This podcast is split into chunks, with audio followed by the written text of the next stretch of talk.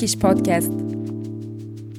Herkese merhaba. Easy Turkish Podcast'in yeni bölümüne hepiniz hoş geldiniz. Ben Emin. Bugün yine Cihat'la beraberiz.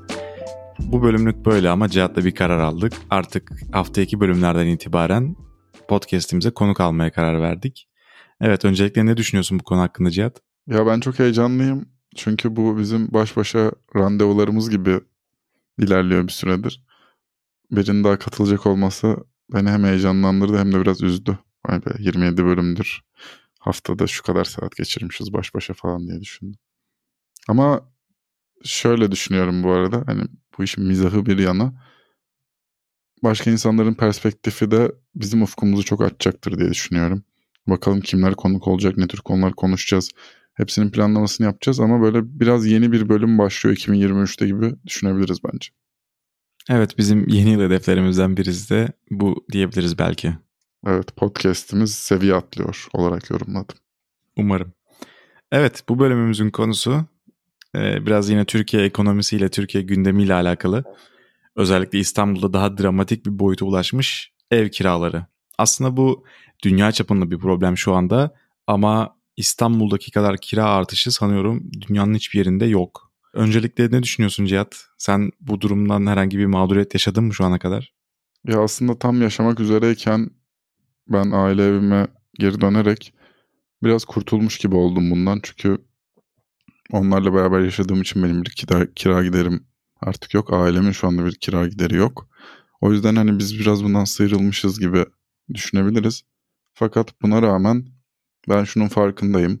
Ben şu anda 26 yaşında bir birey olarak bir işi mesleği olan para kazanabilecek bir birey olarak kendi başıma bir yerde eve çıkmaya karar versem belki de hiç ödeyemeyeceğim o kiraları. Çünkü artık erişilebilir seviyenin çok üstüne çıktığını düşünüyorum. İstanbul'da ev kiralarının. Bunun sebebi de ekonominin kötü olması ve enflasyon. Evet bunlar bunun parçası.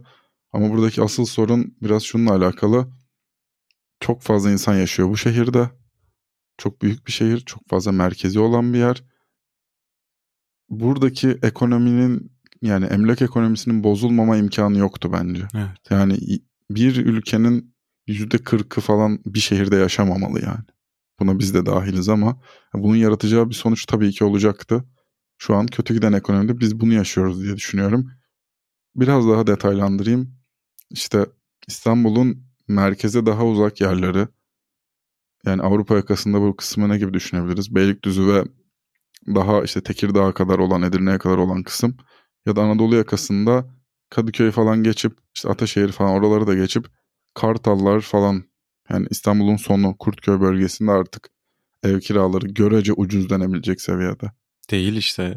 e, ucuz derken kıyas olarak yani. He, kıyasla evet. Evet. Hani ve burada yaşayan insanların da İstanbul'un merkezinde bir yerde çalışırlarsa yolda geçecek süreleri günde 3 ya da 4 saat minimum. Çok kötü bir durum bu yani. Şimdi öncelikle %40'ı dedin ama %20'si olarak değiştirelim. %40'ı çok anormal olurdu gerçekten. Ee, Türkiye'nin nüfusunun %20'si şu anda İstanbul'da yaşıyor ama bu da bir şehir için. Resmi olarak bu. ha, yani. Resmi olarak %20'sinden biraz daha fazladır yani. Hani 16-17 milyon falan galiba en son burası. Ama her şey İstanbul'da olduğu için ve yani İstanbul'da yaşayan insan sayısını ben hesap edemiyorum. Öğrencilerin mesela çoğunun şey burada değil ki yani ikameti. Ya turistler var işte dediğin gibi ikameti burada olmayan insanlar var. Hastane için buraya gelenler var. Dediğin gibi yani realde belki 20 milyondur. O da işte %25 gibi bir şey yapıyor. Ben biraz abartmışım ama dışarı bir çık yani gerçekten %42 gibi Ama geliyor. %40 gibi evet gerçekten öyle hissettiriyor. Şimdi önümde bir istatistik var. Biraz ondan bahsedeyim. İstanbul'daki ortalama kiralarla ilgili. Bu veri Kasım ayının 2022 yılına ait. Yani o zamanlar asgari ücret 5500 TL'ydi. Şu anda asgari ücret 8500 TL. Yani o zamanki asgari ücrete göre kıyaslayalım durumu. Şu anda daha da üstüne çıkmıştır. En pahalı semt senin de eski semtlerinden olan Sarıyer oldu Cihat. Hı hı. Ortalama bir kira Sarıyer'de 28.500 TL. Ya burada şeyin etkisi var ama. Ya yalıların falan tamam vardır etkisi ya da ne bileyim villaların, ultra lüks villaların ama sonuç olarak ortalama 28.500. Ya tabii canım yani Sarıyer'de çok fazla lüks denebilecek semt var öncelikle. Yani İstinye'si, Zekeriya Köyü, Maslak bölgesi. Hadi o kadar lüks olmayan semtleri de çok fazla var ama lüks olan yerlerde kiralar çok pahalıdır senin söylediğin gibi ki yalı olmasına gerek yok zaten. Yani 28 bin lira kira bir yalıya denk gelmiyordur mesela. Yine bir apartman dairesinin kirasıdır bu. Ya evet yine bir apartman dairesine denk geliyor evet. Aynen hani kiralar çok çok çok daha yüksek olmasının sebebi birazcık o ve şey e, insanlar pandemi döneminde mesela Sarıyer tarafına doğru kaçıyorlardı. Çünkü şehrin daha sakin daha bahçeli evlere de sahip olunabilen bir bölgesiydi. Müstakil evlerin olduğu alanlar da var şu anda. O zaman da oraya gitmek sınıfsaldı. Ya ben üniversite öğrencisi olarak oradaydım. Yine ya bu sayılara hiç yakın olmayan sayılar kira vererek oturduk biz. Ama şu anda yani çok zengin insanların yaşayabildiği bir yer yani. 28 bin lira kira vermek. Hatta ben bu istatistikten önce sana bir soru sorayım direkt. Bir insan ya da bir aile ya da bir grup insan yani. Gelirinin ne kadarını kiraya vermeli sence ideal olarak? Bence ideal olarak %25 makul ama %50'ye kadar da hani gerçekçi olursak kabul edilebilir gibi. Ama e, İstanbul'da bu gelirinin e, 3-4 katına tekabül ediyor. Yani evet ben hadi şey düşüneyim. Üçte biri diyeyim. Ben de üçte birine kadar verebilirsin diye düşünüyorum. Sıkıntı yok yani. Yarısına kadar vermen gerekebilir bu tür ekstrem ekonomik durumlarda ama bunun idealini üçte biri olarak belirleyelim kafamızda. Kiranın üçte biri olduğu senaryoda Sarıyer'de yaşayan insanların aylık net geliri 84 bin liradan fazla demek oluyor. Yani kaç kişi kazanabiliyor ki bu parayı mesela? Evet. Ha, bu erişilebilirlik ve sınıfsallık sorunu burada ortaya çıkıyor bence. Evet ya çok büyük bir şirketin CEO'su olduğunu düşün. Ve bu şirketin CEO'larından gerçekten kaç tane var? Ya o insanların bile maaşı atıyorum nedir ki yani 100 bin olsun 150 bin olsun ve kaç kişi bu insanlar? Evet evet ya çok fazla olsun ya maaşları ama bir grup insan bugünün sonunda yani ortalama kiranın böyle olduğu bir semtte bu şey demek herkes mi CEO yani? Hani çok ilginç değil mi ya bu beni bayağı düşündürüyor. Ya bana da çok anormal geliyor ve fiyatlar aşağı inmiyor çünkü bu fiyatlardan tutanlar oluyor. Hatta ben şunu söyleyeyim işin biraz daha dramatik bir kısmı var. Ev sahipleri kiraları artık aylık değil yıllık peşin olarak istiyorlar. Çünkü işte TL olarak değer kaybediyor. Döviz cinsinden karşılaştırdığında da büyük bir zarar oluyor ya. Hı hı. Atıyorum alıyorlar mesela yıllık olarak kirayı dolara veya euroya çeviriyorlar veya altına çeviriyorlar. Korumuş oluyorlar değerini. Evet evet hiç mantıksız değil ya. Yıllık bir şekilde yok yok ev sahibi tarafından demiyorum. Yani yıllık peşin verebilecek durumda olan insanlar da var bu şehirde. Bu benim asıl e, böyle aklımı başımdan alıyor diyeyim. Yani evet diğer semtlerin ortalama kiralarını da konuşuruz ama buradaki problem şu. Mevcut ekonomik durumda insanlar ev sahibi olmakta da acayip zorlandığı için çünkü kiralar böyleyken ev fiyatları da yerinde sabit durmuyor. Yani çok daha fazla arttı ev fiyatları da artık evi satın alabilmek için bir ev satman gerekiyor günün sonunda. Şimdi vardığımız yer birazcık bu noktaya doğru gitti. Ben şunu düşünüyorum.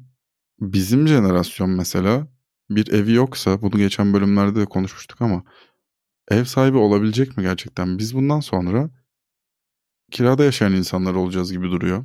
Bir jenerasyon olarak biz ve bizden sonrakiler olarak. Ve bunun yaratacağı da şöyle bir sonuç var. Dedin ya sen yıllık olarak ödüyorlarmış kirayı diye artık. O zaman bunu yapmak mantıklı oluyor mesela. Zaten kesinlikle kira ödeyeceksen senenin başından kapatıp direkt böyle o sen... Ama kiracı olarak mantıklı olmuyor işte. Yok şey direkt bakış açısının değişmesinden bahsediyorum. Hani artık böyle böyle bakacağız belki de hani atıyorum 300 bin liram var mı? Var o zaman ben bir sene rahatım gibi. Anlatabildim mi durumu? Yani çünkü eskiden 300 bin lira ev alındığı için onu vereceğine gidip ev alıyordun. Bir senelik kirayı vereceğine. iki senelik kirayı vereceğine. iki senelik kirayı bir araya getireceğine. Şimdi ev almak masadan kalkarsa ve bir yerde yaşamak zorunda kalırsan belki de gerçekten düşük faizli falan kredi çekip iki senelik ev kiranı halletmek çok mantıksız değildir belki. Evet mantıklı geliyor gerçekten. Ya mesela bu haberde diyor ki 2 yılda artış %320. Mesela ben kendimden örnek vereyim. Benim girdiğim kirayla şu anda ev sahibinin istediği kira arasında yani 7 kat bir fark var 2 yılda. Yani %320'den de fazla bir artış var aslında benim yaşadığım semtte. Ve İstanbul'da kiracı olarak bir konutta kira kontratı yapıyorsanız 5 yıl koruma altındasınız tabiri caizse. 5 yıl boyunca devletin belirlediği artış oranının üstünde artış yapmak zorunda değilseniz. Ama her 5 sene sonunda o fiyat raiç değere göre güncellenebiliyor. Ben henüz 1,5 sene olmuşken ev sahibim mesela bana dedi ki senin kiran çok düşük kaldı fiyatı yükselt. Yani ödediğin kirayı yükselt dedi. Ben de dedim ki yani ben avukatım biliyorum haklarımı ben bunu artırmayacağım yani bu benim şu anda hakkım bu. Sonuçta sen bir risk aldın, ev satın aldın, kiraladın ve şu anda senin istediğin bir şekilde gitmedi süreç. Sen bana bunu dayatamazsın yani. Ondan sonra da mesela evi satmaya karar verdi. Şu anda herhangi bir gelişme yok. Yani ev satılıkta şu anda. Ev satılırsa da artık ne olacak onu da bilmiyorum.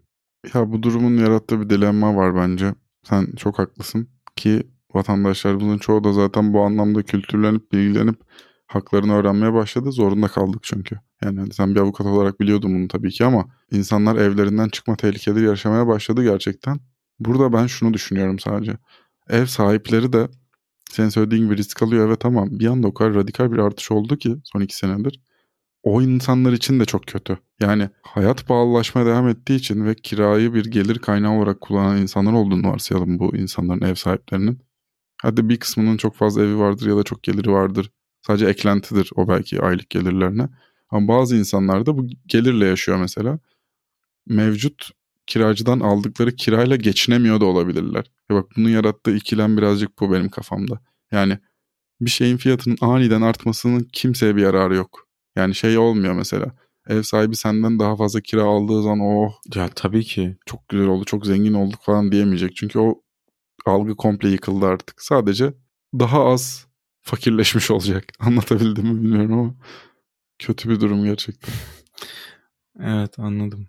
Burada yani kiracının da suçu yok. Kiraya verenin de suçu yok. Kesinlikle yok. Ya ortada bir çıkmaz var ve bunun çözülmesi gerekiyor bir an önce. Çünkü insanların hani kira yenileme dönemleri geliyor, geldi ve benim çevremde çok fazla çıkmak zorunda kalan insan oldu. Birinci böyle dereceden tanıdığım, yakından tanıdığım insanların. Mesela insanların haklarını bilmeden çıkmak zorunda kaldığı da oldu. Yani ev sahipleri tarafından zorla çıkartılanlar da oldu. Yani işin böyle üzücü kısımları da var açıkçası. E tabii ki yani sen normalde belki de 3000 lira kira veriyorken, 2000 lira kira veriyorken, 4000 lira kira veriyorken bir anda senden 15'ler 20'ler istenmeye başlıyor. Sayılar senin söylediğin gibi bu kadar farklı. Yani iki katına falan çıkarmıyorlar kirayı da. Öyle bir piyasa şekillenmesi var ki ben şöyle anlatayım. Spesifik olarak sayılarla konuşayım. Benim Sarıyer'de tek başıma yaşadığım evimin kirası 2500 TL'ydi. Ve uzunca bir süre işte 1500 ile başladı, 1700 oldu, 1900 oldu, 2100 oldu. En son 2,5 oldu. Ben en son 2,5 olarak veriyordum, 2500 TL olarak veriyordum. Ben evden çıktım, şu an ev 16 bin liraya kiralanmış. ya şaka mı bu mesela? Evet diyorum ya benim de mesela 7 kat fazla talep ediliyor benden şu anda. Ya ve insanlar da veriyor çünkü vermek de zorunda yani ne bileyim onu da bir türlü oturtamıyorum.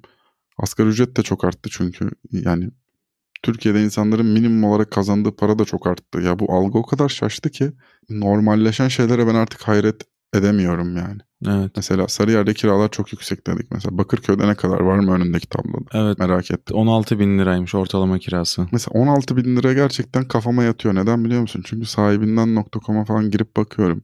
Türkiye'deki ikinci el ürünlere ulaşabileceğiniz ve kiralık şeylere bakabildiğiniz ya da araba satın almak istiyorsanız ona bakabileceğiniz bir uygulama. Genelde o kullanılır yani. Sahibinden bakalım. 16.000 TL koyalım minimum olarak. Bakırköy çıkar. Anadolu yakasında bir yerler falan filan çıkar zaten. Yani ne kötüdür ne iyidir yerleri. 16 bin lira olmuş mesela. Çok absürt bir durum bence. Yani iki kişi asgari maaşla çalışsa sadece kirayı ödüyorlar. E, tabii tabii ya asgari ücretle çalışıp bir şey yemeyecek. Aynen. Ve bu asgari ücretin daha etkisini gördüğümüz dönem değil. Değil değil evet Kasım 2022. Bir de şöyle bir istatistik var aynı zamanda. Kiranın 5000 liranın altına düştüğü sadece iki ilçe görülüyor. O da Silivri ve Çatalca. İkisi de İstanbul'da değil. İstanbul değil yani bunlar da. Ya inanılmaz ya yani ben biraz hani yine bir kuşak konusuna bağlayacağım bunu ama ya genç yetişkinsin. Ailen de İstanbul'da değil. Ya iş İstanbul'da. Ya sen hani ailen burada olmasa da yeni mezun üniversiteden çıktın. Kendine bir hayat kurmaya karar veriyorsun. Ya ev arkadaşın da var. Hadi apart düzeni gibi 4 kişi yaşıyorsunuz diyelim. Ya kaç para kazanacaksınız da ayda 15 bin lira kiraya verebileceksiniz yani. Bu kadar rahat bir şekilde. Hiç mi başka bir şey yapmayacaksınız? Yani kira asgari yaşama ulaşmak için ödemen gereken bedel ya ev yani barınma hakkını edinmek için ödemen gereken bedel. Bilmiyorum. Çok insanın ben İstanbul'dan ayrılacağını düşünüyorum bu arada. Bilmiyorum sen ne düşünüyorsun ama. Ya ben de öyle düşünüyorum ama hala beklediğim kadar bir tersine göç olmadı İstanbul'da. Zamanla zorlaşacak ama bunu yapmak. Yani şöyle İstanbul'a kalmak yani. Evet. Gittikçe daha da zor olacak dediğim gibi. Ailesi ya bir evi olmayan İstanbul'da insanlar ya tüm aile beraber yaşayıp tüm kirayı bölüşecekler sürekli çünkü başka türlü geçinmeleri çok zor. Ya da bir anda toplum olarak çok zenginleşeceğiz. Evet. Ya mesela benim iş yerimde şu anda çalışan genç bir çocuk var. Ya yani onun bana söylediği şey yani ben nasıl evleneyim şu anda? Bir de öyle bir boyutu var bunun. Evet. Yani imkanı yok. Yani bir insanın şu anda evlenip bir kere o düğün masraflarına katlanıp ardından kiralık olarak bir evde e, çalışıp üzerine ev geçindirme ihtimali gerçekten çok düşük. Hani bak dedin ya Bakırköy'de 16 bin lira ortalama bir kira makul geldi falan diye. Hı hı. Ya şimdi bir insanın 20 bin lira maaş aldığını düşün ki şu anda 20 bin lira maaş iyi bir maaş yani. Kötü bir maaş değil. Hı hı. Yani şimdi 16 bin lira ortalama bir semtte nasıl yaşayacak bu kişi? İşte eşi de alacak 20 onunla beraber. Yani, yani zaten 20 bin lira çok fazla alınan bir maaş değil. Bir de çift olarak 20 bin alınması gerekiyor. Evet evet öyle olacak. O şekilde geçinecekler. Ya bu arada o bile çok ideal değil bu arada. Durumun ne kadar vahim olduğunu herkes farkında ama hani şöyle dile getirelim. Bu sadece kira. Yani yaşam ücretlerinin ilki dediğim gibi bu barınmak için ödenen para. Isınma gideri, elektrik gideri, su gideri yani hayal edilemeyecek kadar da ekstra masrafı var bir evi geçindirmenin zaten. Markete falan girmiyorum da. Evet. Yani sadece kira da değil yani. Şu an kış ayındayız mesela. Doğalgaza da para vermen gerekiyor en basitinden. Evet. Markete de girmek istiyorum bu arada. Çünkü bugün başıma gelen bir olayı anlatacağım. Ee, normal bir markette şu anda muzun mesela kilo fiyatı ortalama 20 TL civarı. Ama burada işte biraz daha eli yüzü düzgün, biraz daha ithal ürünler satan bir e, yer var, bir market var. Orada muzun kilosu 75 TL'den satılıyor. Kaç muza denk geliyor ya kilosu? 4-5 muz falan değil mi? Yani bayağı da büyük muzlar. Yani 5 muz 5 muz bile değildir ya. 4 muz falan aynen dediğin gibi. Yani bir muz 20 TL. Kahvaltıda sadece muz yesen, kahveyle muz yapsan sana masrafı 20 lira falan yani. Muz artık kahve. Ya ben eskiden e, idmana giderken bir tane muz alıyordum. 1 lira veriyordum.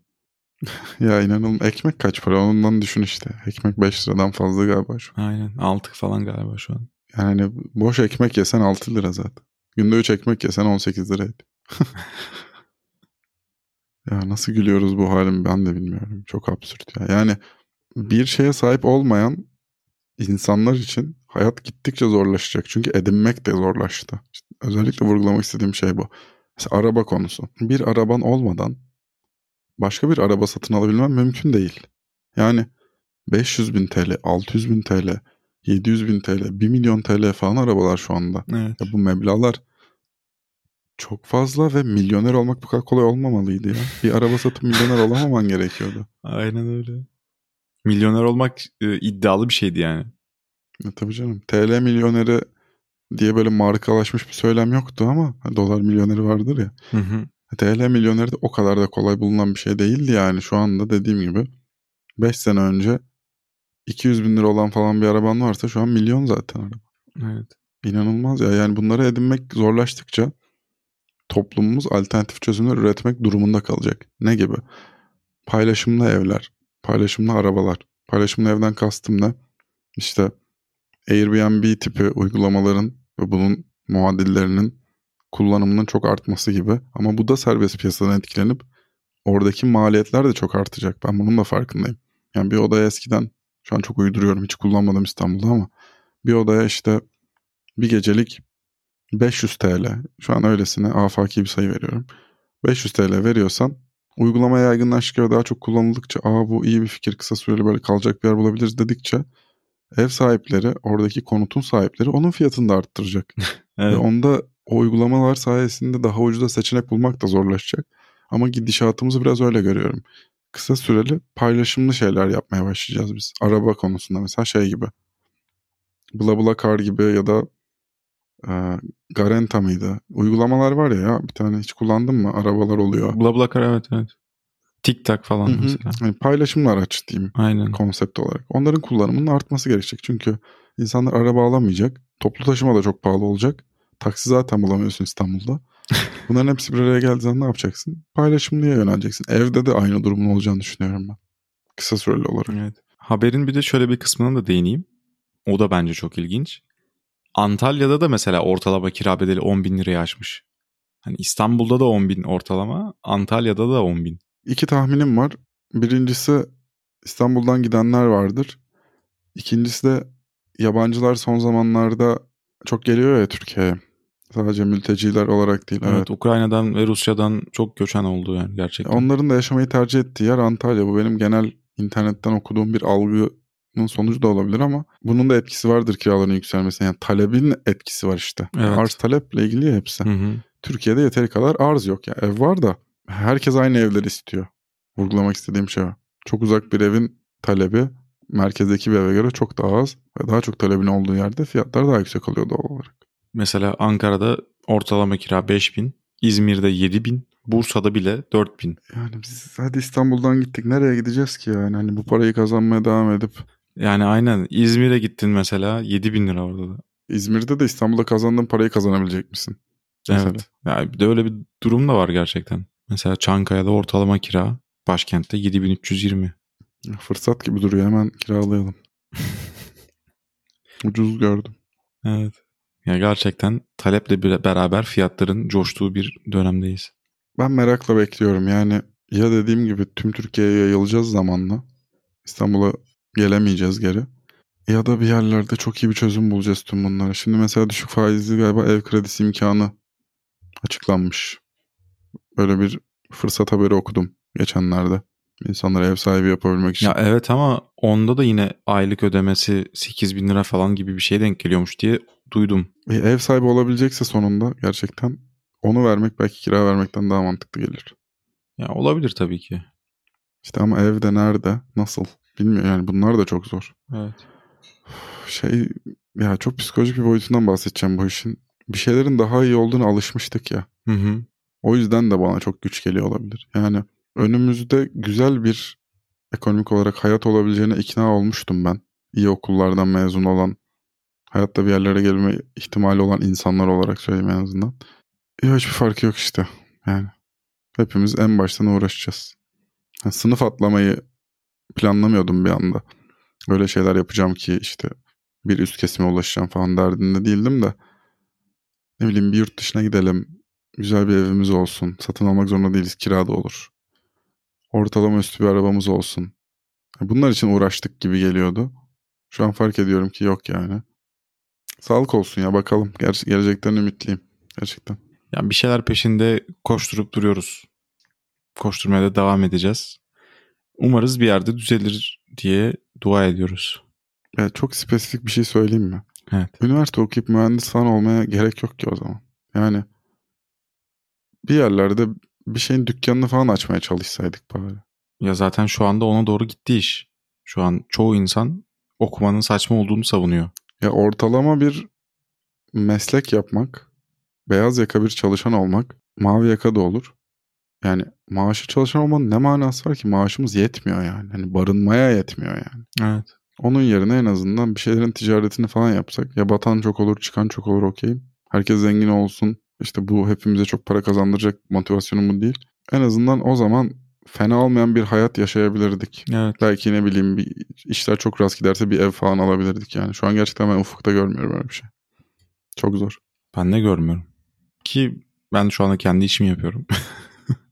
Yani hakkımızda hayırlısı olsun gerçekten. Amin. Evet bu bölümde Türkiye gerçekleri hakkında konuştuk biraz. Ee, durum şu anda bu şekilde bunu aktarmak istedik. Her şeye rağmen ümidimizi, umudumuzu koruyoruz. Umarız daha güzel günler bizi bekler. Bizi dinlediğiniz için teşekkür ederiz. Bir sonraki podcast bölümünde görüşmek üzere. Görüşmek üzere.